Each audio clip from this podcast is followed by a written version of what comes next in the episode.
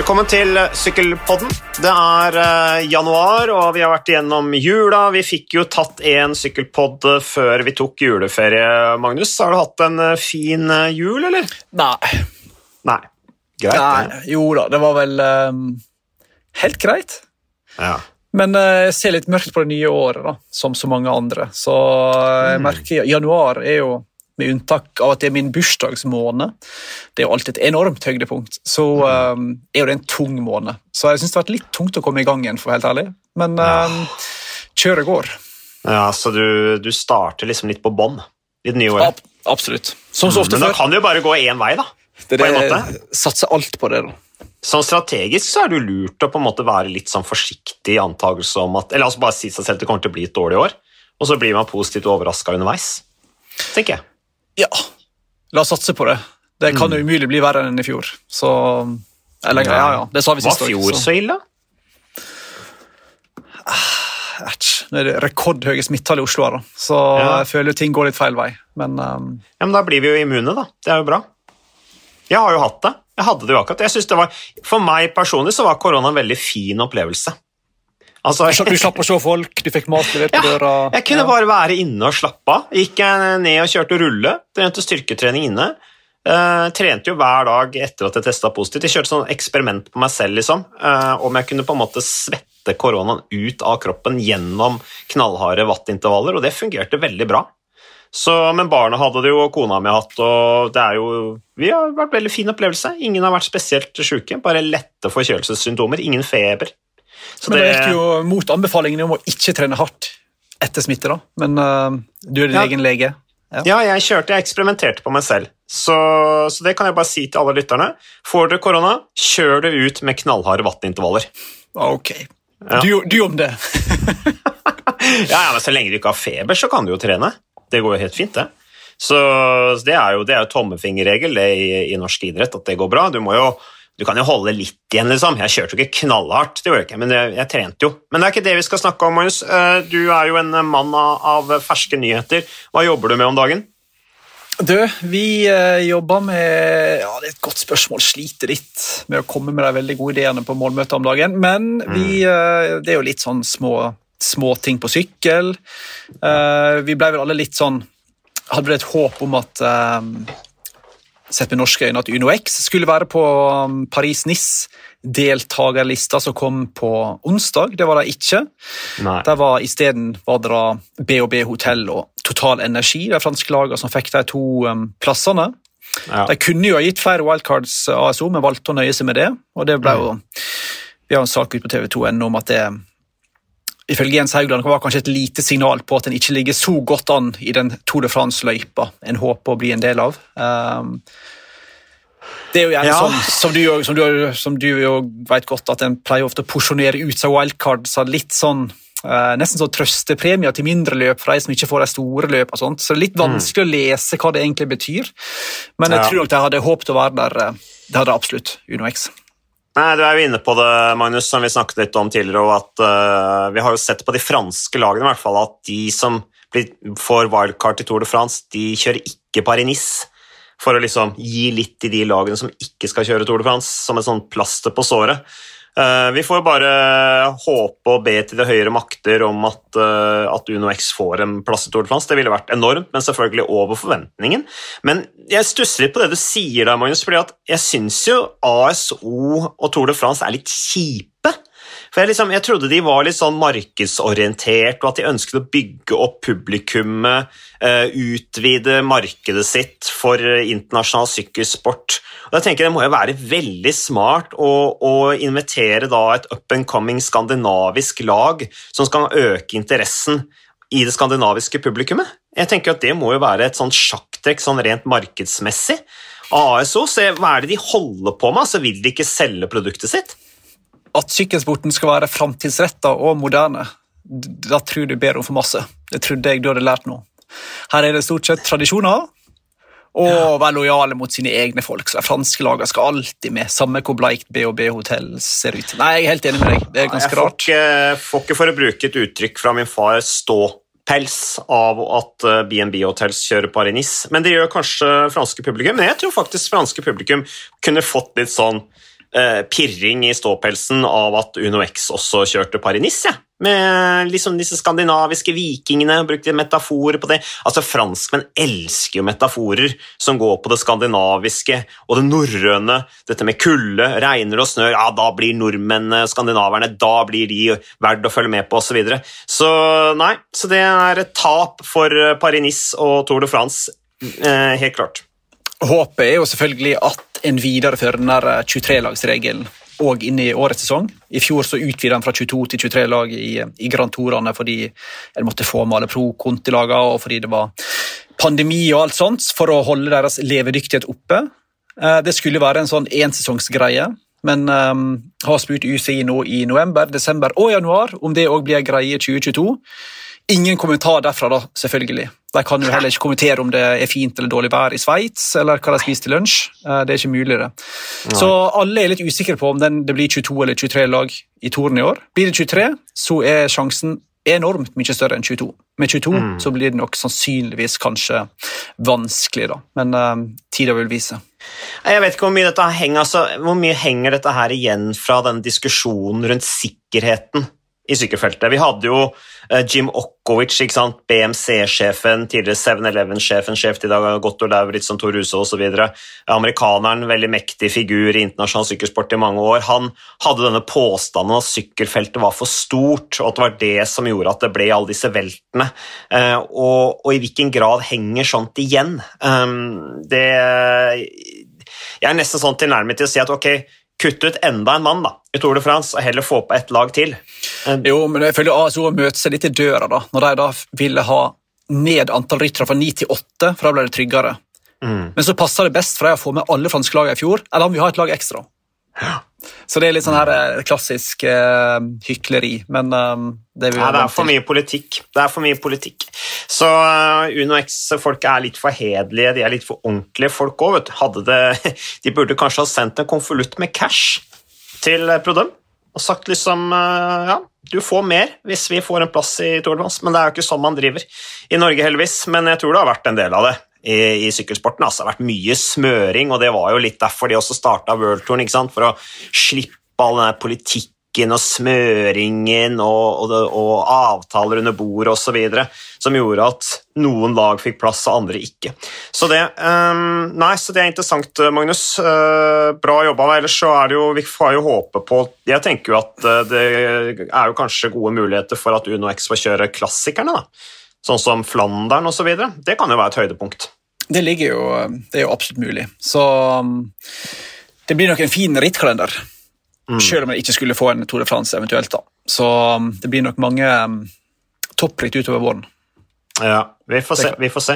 Ellers er det jo gledelig å se at uh, angående nyheter at Amy Peters begynner å komme seg. Hun er jo en av verdens beste kvinnelige syklister og har jo hatt en av sine beste sesonger i 2021. Blir jo fløyet til sykehus med helikopter for en operasjon på hodet. Det var rett før jul, over 22.12., at hun gikk i, i bakken på en treningssamling. Så vi får bare krysse fingrene. Nå er vel hun fløyet tilbake til, til Nederland og skal klare å kommunisere, i hvert fall. Så det går heldigvis ser ut til å gå greit med Amy Peters. Eh, ellers har du sett noe sykkelcross? Ja, skulle du si noe, Magnus? Nei, jeg bare litt usikker på om vi om du kanskje gikk litt langt der. Jeg vet ikke, De venter fortsatt på at hun skal våkne. Okay, ja. Så hun puster for egen maskin og tatt av jeg en del um, uh, apparat, men hun er jo fortsatt i, i, i koma, sånn som jeg forstår det. Så, og det er jo først når hun våkner at jeg kan vurdere eh, rekkevidden her. da. Og se hvor mye som er, er skada. Så det er en ganske alvorlig situasjon fortsatt. Ja, Nei, det er alvorlig. Det er det. Så um, våre tanker til Amy Peters og familien hennes, ikke minst. Men uh, Magnus, uh, har du sett noe på sykkelcross i det siste, eller? Ja da. se ser nå på en del av det. Var det noe spesielt du tenkte på? Du så så lur ut da du spurte. Nei, jeg er ikke noe spesielt. Jeg føler meg ikke sånn veldig lur, egentlig. Men uh, det er jo en del liksom, altså, gigantene som alle snakker om, uh, Val van Ert og Matthew van de Poel. Vi har jo hatt et par dueller med de nå som endte i favør av, av Val van Ert, som jo har sett helt uslåelig ut. Han har vel vunnet åtte av ni sykkelcrossritt denne sesongen. Dette ene worldcuprittet hvor han ikke vant, uh, hadde han tekniske problemer, han ble nummer fire der. Men nå, jo, nå, har jo van Ert annonsert at han ikke skal til VM i USA i slutten av januar. Mathieu van de Poel har så store problemer med ryggen sin at han uh, ikke kommer til å sykle noe mer sykkelcrossritt denne sesongen. Um, så de er ganske store, de problemene han har, og da står du igjen med da, Michael van Torenhot og Eli Iserbytt og Ton Ertz, men ikke Tom minst Pidcock. Thomas Pidcock. Ikke sant? Det kommer jo til å bli verdensmesteren i, i USA i slutten av november. Altså, han, han, blir favoritt der. Det er litt kult, fordi at Thomas Pidcock sier at i 2022 så har han tenkt å prøve å vinne da Så, så er drømmen hans da å vinne tre VM i ulike disipliner. Sykkelcross, terrengsykling og landevei. Har vi tro på det, eller? Ja, egentlig. Jeg tror den løypa i VM i landevei kan være eh, fin for han. Litt usikkert akkurat hvor krevende den siste bakken der er, men han er jo, mm. han er jo god i si, Amstel Gold Race-type ritt, så det tror jeg kan gå fint. Olympisk mester på, i terrenget, så han kan fort vinne VM. Og han vinner sannsynligvis uh, sykkelcross. Ja, fullt mulig. Mm. Det er kult, det, da. Uh, Thomas Pidcock, som for øvrig er historisk, han er altså den første brite som vinner en verdenscup i, uh, i sykkelcross. Det var altså i Rupschen uh, 18.12. Så, så han han baner vei i britisk sykkelsport med måten han herjer i disse ulike disiplinene på. Ellers så har jo Eri Isebit han har jo allerede avgjort av verdenscupen sammenlagt for herrer med 400 poeng foran Michael van Torenot og Ton Ertz, og Lucinda Brandt hun, eh, hun ser også solid ut da, i dameklassen og er vel også storfavoritt til å vinne VM i, i, dameklassen når den tid kommer. Apropos Ineos, uh, Magnus. Uh, jeg ser at de er ute. Han Matteo Tosato han er, sånn, han er flink til å slippe litt nyheter. Um, han uh, IO skisserer jo da Injos-laget til Giron i mai, med Richard Carapaz. Thomas Pidcock skal da satse der. Theo Gegenhardt, tidligere vinner av Giron, det er for øvrig også Carapaz. Elia Viviani, som nå er Ineos-rytter, skal kjøre i Ineos-laget. Og Richie Port, sammen med Ben Swift og Richie Port, det blir jo hans siste Grand Tour, da, for han tar sin siste sesong dette året. Og da sier jo han at ringen er sluttet, for det var jo faktisk der han har et av sine Det nest beste resultatet han har i sammendraget i en Grand Tour, det er jo nettopp i giroen. Jeg lurer på om det var i 2006. 10 eller noe sånt? Ja, 10 var det selvfølgelig. Uh, så ja, så det kan nok stemme. Så det Ja. Hva Er det noe mer å si om det, eller? Det kan jo bli en interessant uh, giro sett med norske øyne òg, for nå ligger det jo an til at alle klatregutta våre skal der. Uh, mm. Både Carl Fredrik Hagen, Tobias Foss og Odd Christian Eiking. Så um, det kan bli interessant giro å følge med på. Det kan det. Apropos Carl Fredrik Hagen, eh, Magnus. Eh, skulle jo nesten tro at vi var litt samkjørt her, fordi jeg har jo snakket med Kalle, som er hjemme i Norge og trener på, og det går jo mye bedre med Kalle. Han er en harding, vet du. Apropos vikinger. Kalle syns jeg han, måten han kom tilbake etter denne mye mer alvorlige skaden enn det vi trodde det var, uh, skulderskade. Så jeg syns han hadde en fin avslutning på sesongen i 2021 med 11.-plass sammenlagt i Kroatia rundt. Det er absolutt oppløftende. Og han snakker jo bl.a. om uh, Giro Italia, men han vil mer. Vi kan høre hva Carl Fredrik Hagen sa i den praten jeg hadde med han på telefon. Carl Fredrik Hagen, det er på tide med en liten eh, prat. Eh, vi har jo hatt en liten forprat her nå før vi satte på, eh, på opptak, og jeg skjønner at du har holdt deg hjemme i Norge. Du har ikke vært på noe treningssamling overhodet? Nei, det stemmer det. Jeg har holdt meg i Norge stort sett uh, hele tiden etter at vi var på den teamcampen i november i Israel. Um, bortsett fra én tur, liten tur til Italia, til uh, Gorizia uh, rett før jul for å gjøre noe vindtunneltesting på temposykkelen, så har jeg vært i Norge og trent hele tiden. Ja, Så det er fordi at du ikke vil reise, eller? Pga. covid? Det er en uh, blanding av at uh, for det første laget hadde ikke noe, noe teamcamp. Og alle andre norske syklister var stort sett på teamsamlinger i, i desember, så det var litt begrenset hvem man kunne reise med. Mm. Uh, og så var det en liten uh, baktanke med dette covid-greiene. At jeg var ikke så veldig, eller er ikke så veldig gira på å dra på en privat uh, camp og risikere å kunne ende opp med en positiv PCR-test i Spania f.eks., hvor vi hørte om Odd Christian i fjor som ble innesperra tre-fire uker på et spansk hotell. Mm. Det passer veldig dårlig. Så når forholdene var brukbare her hjemme, at det verken var altfor kaldt eller altfor mye slaps og vått, så fant jeg ut at jeg kunne gjøre treningen her, selv om det selvfølgelig mentalt koster litt mer enn å å tråkke rundt på Gran Canaria i 20-25 pluss. Ja, men nå har jo du bra treningsmoral. Da, Karl Fredrik. Du er, jo, du er, jo, kjent for å være glad i å være ute og trene. Du er vel en av de som takler det ganske bra. Men hvordan fungerer kroppen nå etter skadene du har vært igjennom? Det går jo riktig veien, det vil jeg absolutt si. Og bevegeligheten har kommet opp på et uh, ganske bra nivå. Og det har kommet opp på et slikt nivå at vi kan de siste to månedene har jeg kunnet drive med styrketrening på skulder og overarm, slik at jeg på en måte får utbytte av det og kunne dra ut bevegelsene på riktig måte. Um, nå var det første gang jeg testa temposykkel og aeroposisjon nå i midten av desember, og det gikk uh, uh, bra. Og i bra så mener jeg at jeg kom meg inn i tempoposisjon uten å måtte jobbe livet av meg og få kramper i, og vondt i armen med en gang jeg trekker de inn. Uh, så det var jo veldig, veldig oppløftende. Uh, men så kjenner jeg at det går på dette med koordinasjon og, og det å på en måte samkjøre høyre arm og venstre arm, f.eks. når du står og tråkker eller skal akselerere. Der uh, mangler det litt ennå. Men alt sammen tatt i betraktning, så så går det riktig veien. Du, eh, Karl Fredrik, eh, jeg så en, eh, en, en, leste en artikkel i Cycling News denne uken, altså første uka i januar, som var veldig interessant om en direktør for prestasjonsutvikling i Israel Startup Nation som heter Paulo Saldana, en canadier, tidligere Arman-deltaker. Hvor godt kjenner du til han? Han øh, har øh, Han er på en måte Hva skal vi si øh, Sparringspartneren til min personlige trener Erik Nordby og meg. Så han følger med på alt det vi gjør og har tilgang på Training Peaksen og kommer med innspill. Og er også den som lager stort sett alt av opplegg på treningssamlinger og sånne ting i regi av laget.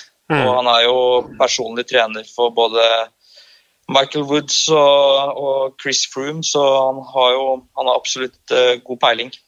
Det er interessant å, å, lese det han sier da, i den artikkelen. Eh, for det første hvor high-tech han ønsker å jobbe i, i laget, bl.a. med maskinlæring, kunstig intelligens.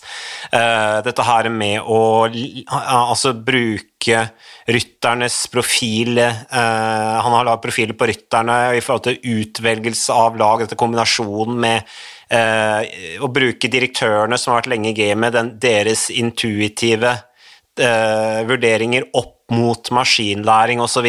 Um, dette her med Han sier i denne artikkelen om Han bruker noe som heter utviklingskonvolutter. Er er det feil oversatt av meg? Har du hørt om det uttrykket? Eh, for å være ærlig har jeg ikke hørt om det uttrykket.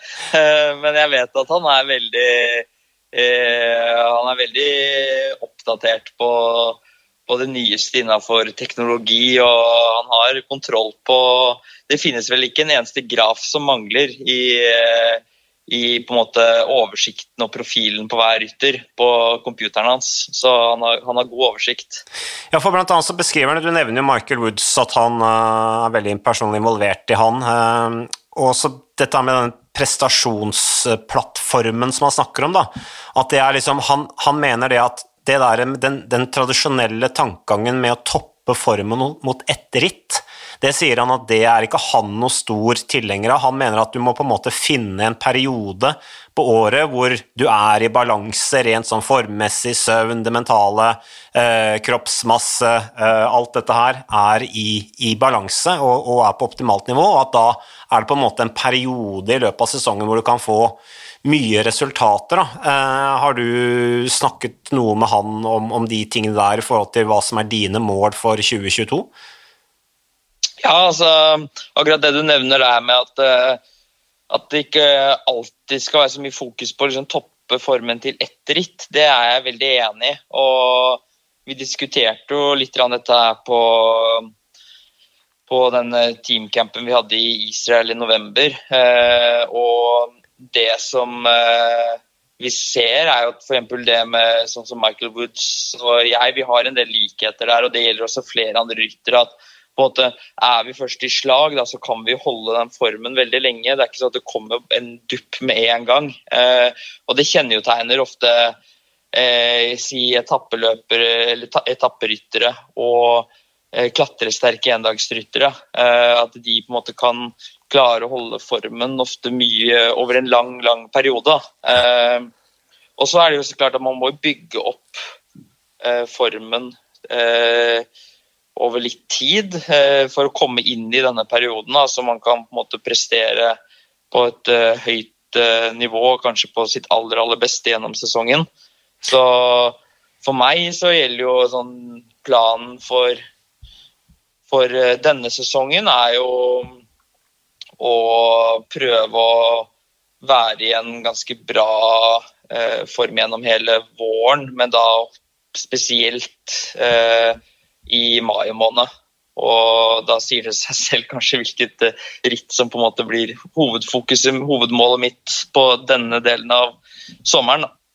Ja, Hva kan du si? Hva, blir, eh, hva er rittplanen din? Hva er på en måte målene dine? Hva er drømmene dine for 2022, Carl Fredrik? Drømmen min er å kjøre to Grand Tours, sånn som det var i fjor. Og uh, Fjoråret ble jo et, uh, kanskje mitt tøffeste år noensinne. og Bare det at jeg kom tilbake igjen og fikk kjørt litt løp på siste halvdel av sesongen i fjor, var jo på en måte for meg bare en, en seier i seg selv. Um, men uh, jeg hadde jo i fjor et mål om å, å kjøre Giro d'Italia, og det og målet blir eh, også eh, gjeldende i år. Og jeg har jo fått signaler om at jeg skal få en fri rolle og kunne kjøre for egne resultater i giroen. Mm. Og så se hvordan jeg kommer ut av eh, mai måned. Om det da blir aktuelt med en, et Tour de France, eller om det kommer for tidlig, og at jeg heller skal kjøre Vueltaen. Eh, det er ikke tatt stilling til ennå. Det kommer vel ikke til å bli besluttet før eh, etter giroen uansett. Nei, men Og så mm. før på sesongen òg, så, så, har vi vel ikke spik... Altså, nå skjedde jo det som skjedde i fjor også. At eh, planen min var at jeg skulle til Argentina og sesongåpne med Vuelta San Juan i slutten av måneden. Mm. Og det ble jo avlyst nå på mandag, så da gikk den planen i vasken. Og eh, neste løp for meg da var det nye tappeløpet, firedagersløp i Nord-Spania som heter Gran Camino. Som er siste uken i februar, som går samtidig med uh, UAE-tor. Mm. Og det er jo en ganske god stund til. altså Jeg hadde jo håpet at jeg får inn uh, et løp før det. Um, jeg har vel ikke fått bekreftet ennå, men jeg tror kanskje at det ligger an til at jeg kjører eh, eh, Provence i midten av februar, og at det på en måte blir første løp. Ja, for du er sulten på å konkurrere. Du er lei av å trene nå. Du har lyst til å stå på startstreken. ja, jeg har jo Jeg kjørte jo Altså, fjorårssesongen ble jo liksom jeg, jeg, kom liksom inn i en god rytme etter eh, med liksom siste løp som jeg kjørte, som var Kroatia rundt. Og så skulle jeg til uh, Italia avslutte med Lombardia, men da ble jeg forkjøla, så jeg fikk ikke lov til å reise selv om jeg var negativ for korona. Mm. Um, og da følte jeg jo liksom at jeg var på gang, da. Uh, og det er litt sånn hva skal jeg si, Det er kanskje den følelsen jeg hadde da i starten av oktober, som du vanligvis har litt sånn i april måned. Uh, og det var litt sånn fælt. Uh, da, da liksom følte jeg at nå er det fryktelig lenge til det er løp igjen. Mm. Så, men så er det liksom når du kommer inn i den der treningsrytmen og treningshverdagen, så, så blir du jo vant til det også. Eh, men det er klart jeg har lyst til å kjøre løp, og jeg trenger løp for å kjøre beina mine i form. Og eh, nå har jeg trent ganske store mengder, og det er vel sikkert lurt å etter hvert roe litt ned på mengdene og så heller få inn litt løp. da, Og så kunne liksom kjøre seg bare inn i god form på løpet og hvile. Mm. Men til slutt, Karl Fredrik. Du nevner dette her at nå er San Juan avlyst, og, og nå er det biter en del leiler for liksom man lurer litt på om det skal bli sånn serie med avlysninger igjen. Australia, Jordan Under er jo uaktuelt, sannsynligvis. Men hva gjør det noe med stevningen i laget? Altså, gjør det at det blir tøffere intern konkurranse? Hva, hva tenker du om det? Jeg tenker jo at uh, Det er jo litt den der mentaliteten om at uh, går det et løp, så kjør det som at det er, litt, uh, som at det er siste løp på en stund. på en måte. Mm. så jeg tror jo at, at, den situasjonen som vi er i akkurat for øyeblikket med omikron og de sinnssykt høye smittetallene, selv om heldigvis sykehusinnleggelsene ikke er så høye, så så tror jeg jo at vi kommer i hvert fall fra publikum sin side kunne se veldig spektakulære ritt, som de rittene som blir kjørt, fordi det kommer til å bli kjørt bånn gass, det er jeg helt sikker på. Mm. Eh, og eh, koronasituasjonen har gjort nesten at det finnes ikke løp som du bare liksom Du kan ikke bare ta løp som trening lenger. Det er bånn gass, det er skyhøyt nivå selv på 2-1-løp og, og, mindre løp. Så Eh, alt er knallhardt, og så håper jeg jo inderlig at eh, løpene som går i Europa, eh, kan bli gjennomført. Nå så jeg vel i, i går, på, da var det jo tirsdag, at, at det er verdenscup langrenn i Frankrike ble avlyst neste helg. Mm. Og det lover jo ikke veldig godt, da, med tanke på at det er en haug med franske etappeløp og endagsløp som kommer i februar. Men uh, det er mye som kan skje. Og så håper jeg bare at, uh, at uh, ting kan bli noenlunde normalt etter hvert, og at vi lærer oss å leve med dette viruset, fordi det kommer til å være her hele tida. Det, det, forsvinner ikke. Ser ikke sånn ut, Karl Fredrik, men uh, tusen takk for praten. Og så bare krysser vi fingrene for uh, at uh, det blir sykkelløp. Og som du sier, fra, vi fra kommentatorplass og, og, ikke minst publikum, vi har jo mye å se frem til hvis spådommen dine treffer, og det tror jeg du har helt rett i også med den analysen, at det kommer til å bli bånn gass. Helt sikkert. Ja, det var en hyggelig prat med Karl Fredrik Hagen. Han er en usedvanlig hyggelig fyr. Carl Fredrik Hagen. Så um, vi setter pris på det. Det er i det hele tatt våre proffe, Magnus. De er veldig greie, synes jeg, til å stille opp på Sykkelpodden. Jeg mener, det er jo ikke Det er jo, mist, altså, det er jo bortkasta tid, for å være helt ærlig. Jo, men det er kjendisstatusen din vet som drar deg inn. Ja, kan det være det, tro? Eller kan det være at de liksom Har litt å gjøre på ellers. Ja, og så har du dette med sosiale medier. ikke sant? Du tagger de, og så, og så får de liksom deler, og så publis, altså, reklamerer man da for hverandre på sosiale medier og sånt. Kan, kan, det ha noe med det å gjøre, kanskje? Det kan være det, altså. Men vi Makten trenger... som ligger i sosiale medier, men det er veldig bra at gutta stiller opp. Det er det absolutt, og vi trenger Karl Fredrik Hagen tilbake på et bra nivå. Det har vært to ganske tunge sesonger der, altså. og nå er han inne i et kontraktsår, som det heter. Så han mm. trenger å levere litt. Uh, og så blir det jo, som dere snakker om, masse trening i Norge, da. For ja. vi håper det um, håper det ikke straffer seg, for å si det på den måten, da. sammenlignet med de fleste andre som er i Kalp eller Benidorm eller Altea eller Mallorca mm. eller i sørlige trakter. Men uh, han er jo flink til å få jobben gjort. da. Er noe, han er jo så disiplinert. Uh, så jeg tviler ikke på at han gjør det han får beskjed om å gjøre. Nei, og så har han jo Uansett hvordan han vrir og vender på det, så har jo Carl Fredrik Hagen han, han, han har jo ganske sånn seig tråkk. da. Han er litt sånn som Kristoff, samme type tråkk. De gutta som kjører mye hjemme i slafs og snø og motvind og kuldegrader med tunge lag med is og sørpe på seg, de blir gjerne litt sånn tung i tråkket. de blir jo sterke, da, i motsetning til disse gutta som sitter og sykler på 110 tråkkfrekvens nede i Spania der, i varme og fine omgivelser. Men han blir sterk, det tror jeg passer Carl Fredrik Hagen eh, bra. Og så er det jo interessant dette han sier om, eh, om at han fremdeles bruker uh, samme gode, gamle treneren sin, Erik Nordby, men at det er et samspill der med den der Paolo Saldana, direktøren for prestasjonsutvikling i IC Startup Nation, som er utrolig sånn tech-type. Så der er det en veldig interessant artikkel i, i, Cycling News for de som vil lese mer om det. Men Magnus, Eh, skal vi se her, Vi var litt inne på Ineos. De sier at det er veldig viktig for de nå å vinne en, eh, en, eh, en, et endagsritt, altså et monument.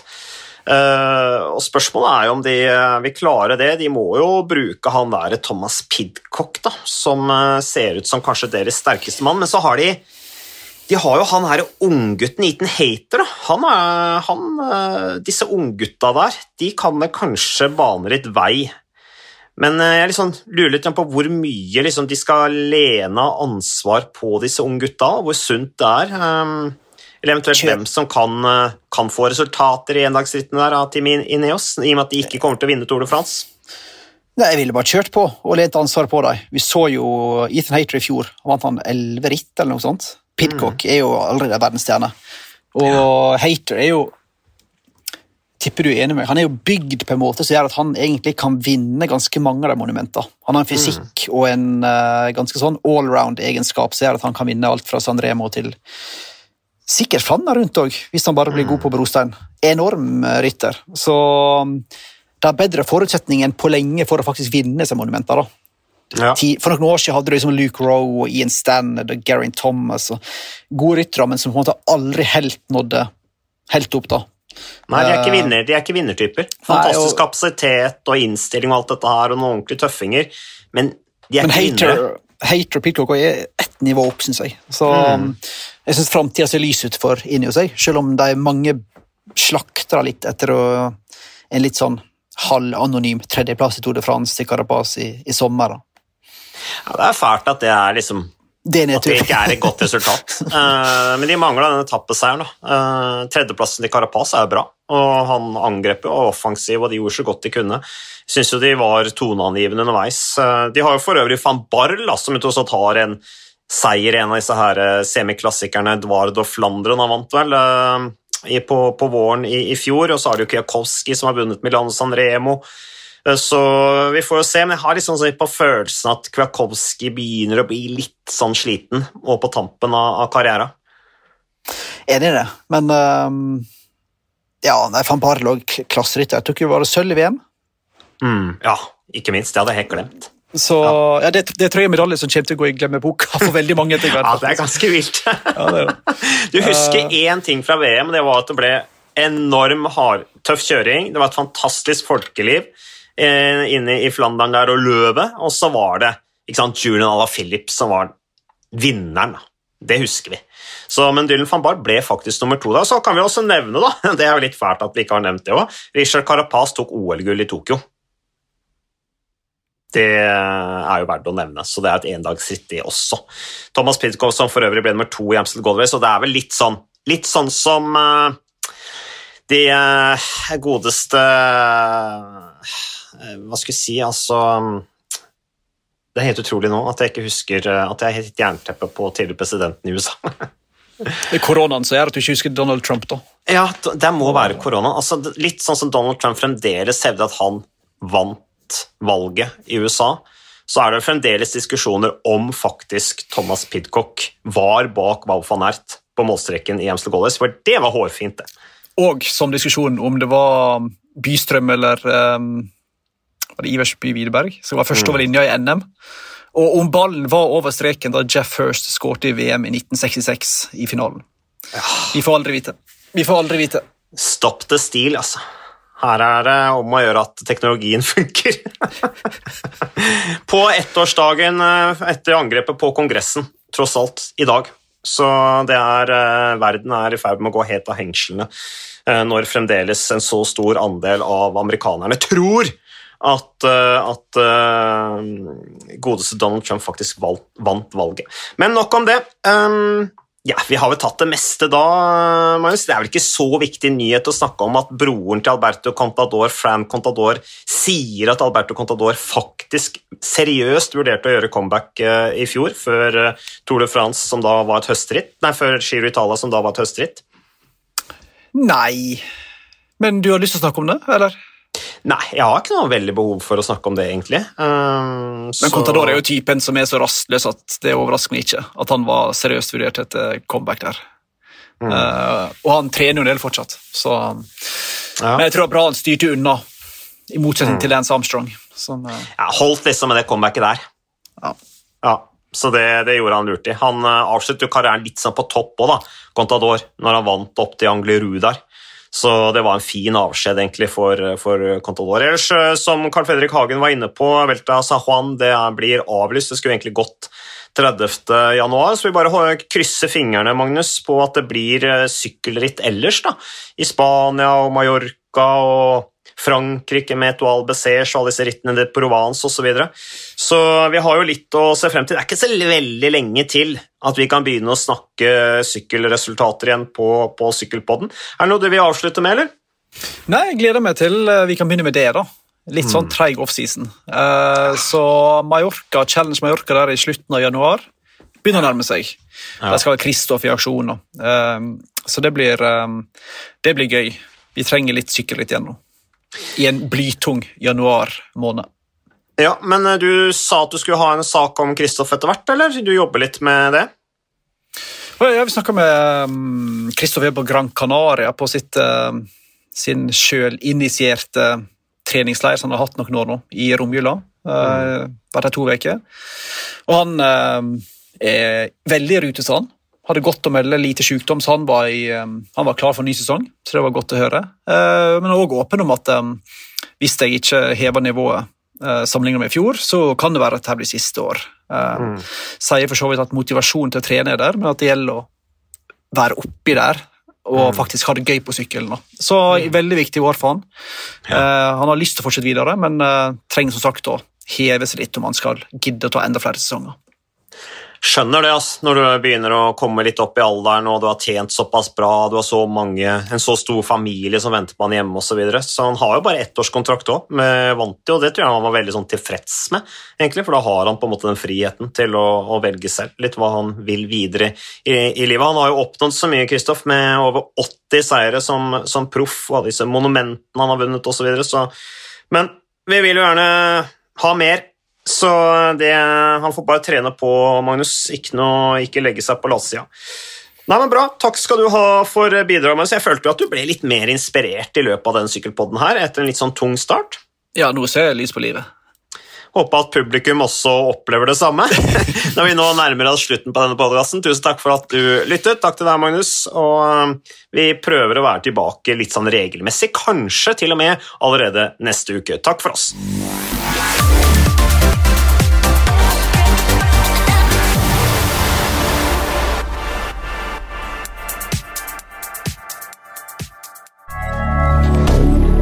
Moderne media.